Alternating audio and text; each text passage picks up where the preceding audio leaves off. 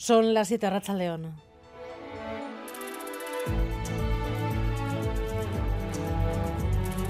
Gambara con Arancha García. En la víspera del debate de investidura más tenso en muchos años, 1.600 antidisturbios blindarán los alrededores del Congreso, los mismos que en un partido de fútbol de alto riesgo y Sarobazarra Chaldeón. A León, sí, el Congreso ya está rodeado de vallas, la presencia policial es significativamente mayor que habitualmente. Vemos agentes, furgones, controles automóviles y peatones en las calles que rodean la Cámara Baja, pero también en las calles aledañas. Ha aumentado la seguridad en toda la manzana. El control para acceder a la Cámara ya hoy ha sido más minucioso. Mañana más de 1.600 agentes compondrán el dispositivo de seguridad. El edificio quedará totalmente perimetrado.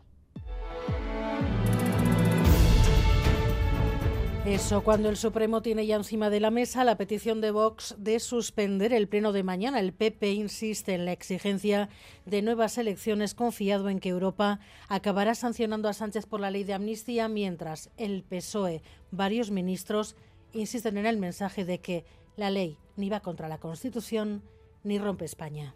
El problema ya no es una ley que a todas luces es impecable desde el punto de vista jurídico, perfectamente enmarcada en nuestra Constitución, sino que el problema que tienen es que no aceptan la mayoría parlamentaria. Y en este contexto, el gobierno vasco reclama que no se ponga en duda la legitimidad de un gobierno elegido democráticamente. Constatemos todos que el gobierno que va a surgir de esa investidura será el gobierno legítimo que se deriva de los resultados que las diferentes fuerzas políticas obtuvieron en las pasadas elecciones generales. Venga, Supería espera que el gobierno Sánchez eche a andar cuanto antes para que también empiece a cumplir cuanto antes los compromisos que ha pactado y un compromiso cerrado hace dos años que precisamente se materializa hoy en el último Consejo de Ministros y que se espera de un impulso a las obras del TAP. LACUA se encargará de las obras de entrada soterrada a Bilbao. Aún faltan muchos meses para que empiecen las obras, pero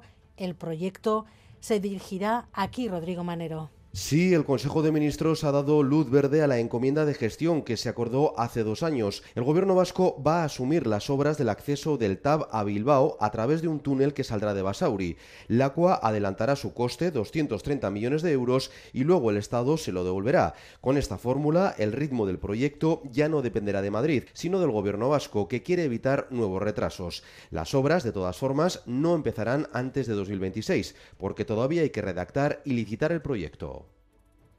E Israel avanza en la invasión de Gaza. Hoy ha anunciado la toma de la sede del gobierno de Hamas. Ha difundido también fotografías de soldados israelíes sentados en los escaños del Parlamento de Gaza. Eso mientras mantiene el asedio a los hospitales. Allí sigue habiendo miles de personas, pacientes, refugiados, sin recibir asistencia, sin poder huir. Enseguida hablamos con Miquel Ayestarán.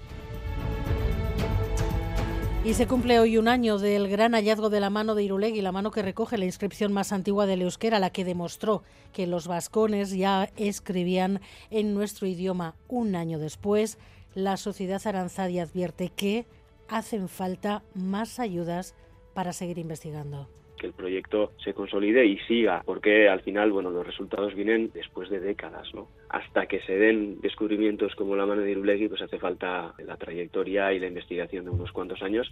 Y la buena noticia del día, se confirma el frenazo de la inflación. El IPC de octubre está en el 3,5%, una décima menos que el mes anterior, sobre todo por la bajada de los combustibles. Eso sí, aunque los alimentos también moderan su escalada, hay productos como el aceite de oliva que siguen disparados. Y ya se nota que estamos a 14 de noviembre, 9 grados menos del mediodía a esta hora Bilbao, en Donostia. Se han llegado allí a los 24 grados, ahora hay 15 y además llueve y parece que la lluvia podría ser la causante de los problemas que se están registrando a esta hora en carreteras, John Fernández Mor. Sí, tres puntos a los que prestar atención en este momento. En la Vizcaya 636 en Zaya ha pasado el túnel de Volumburu sentido Bilbao. Ha habido una colisión entre tres vehículos. Una persona herida ha sido trasladada al hospital de Cruces en la la A8 en Basauri hay un coche averiado dentro de los túneles de Malmasín, sentido Bilbao. El vehículo ocupa un carril y se están produciendo retenciones de más de un kilómetro. Y finalmente, precaución también en la Nacional 637 en Sondica, sentido Guecho. En ese punto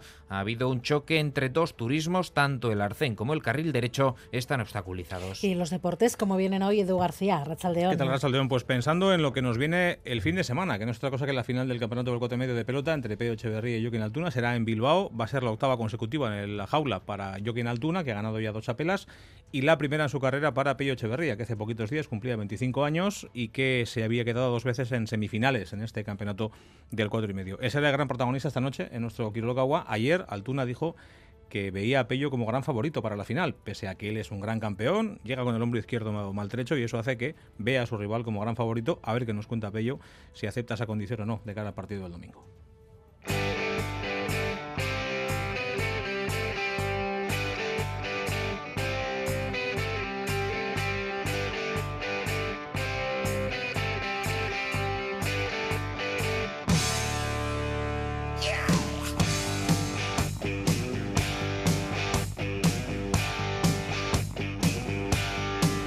Tres preguntas, una sobre inflación, otra sobre los tipos de interés y la otra dónde deberíamos meter los ahorros. El Banco de España ha hecho con esas tres preguntas un test para confirmar cuánto sabemos de economía. Hemos hecho ese test esta tarde en la calle y sí, hemos coincidido con el diagnóstico, Gary Suárez. Sí, hemos salido a comprobar cuánto sabemos de economía básica y lo cierto es que lo primero que nos hemos encontrado ha sido una persona que ha abandonado el examen antes de empezarlo. No, no, no, no. Porque no tengo ni idea. Mejor lo dejamos. Y luego hemos encontrado de todo. Primero los humildes. Con el aprobado siempre está bien, pero a ver, si se puede un, un 8 un 7, a ver. Y luego también los que no han estudiado. Mal, mal, mal, mal. Eh, la área económica muy mal. Primera pregunta. Cinco hermanos reciben un regalo de 1.000 euros. El dinero se reparte a partes iguales. Si no tocan el dinero y la inflación es del 1%, dentro de un año serán capaces de comprar A, más que ahora, B, lo mismo que ahora o C, menos que ahora. Yo creo que menos. Menos porque la inflación es mucho mayor. Menos de lo que podían comprar, ¿no? Menos. Un poco lógica, pero vaya. Pleno de aciertos. Vamos con la segunda. Ingresas 100 euros en una cuenta de ahorro con un interés fijo del 2% anual. Si no la tocas para nada, ¿cuánto tendrás en 5 años? A, más de 110 euros, B, 110 exactos o C, menos de 110. Si es el 2% y te ingresas 100 a los 5 años, 110 exactos, ¿no? 2 por 5, 10, o sea que 110. 110. Son más de 110 euros. Ostras, pero por poco, ¿no? Eh, más de 110. Eres el primero que lo aciertas. Joder, vale, vale, vale, perfecto, joder. Me ilusiona, me ilusiona. Última, por lo general es posible reducir el riesgo de invertir en bolsa mediante la compra de una amplia variedad de acciones, verdadero o falso. Verdadero, diría yo. Verdadero, por supuesto. Sí, diría verdadero. Un poco voleo. Me parece que falso. Es verdadero. Ostras. Se reduce el riesgo. vale, pues no he acertado nada, ya lo siento. Recogemos impresiones tras el test. El único que ha hecho pleno, orgulloso. Sí, sí, muy bien, ya te he dicho. Al principio te he dicho un 5, luego 7, 8 ahí, pero joder, un 10, un 10.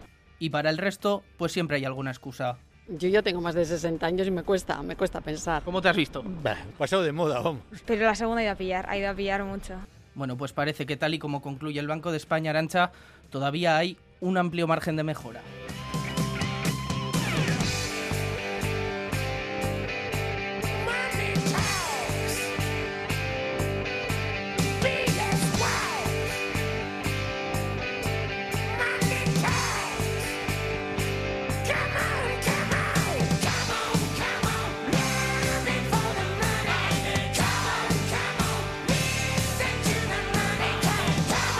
Miguel Ortiz y Alberto Subeldía están en la dirección técnica, Cristina Vázquez en la producción.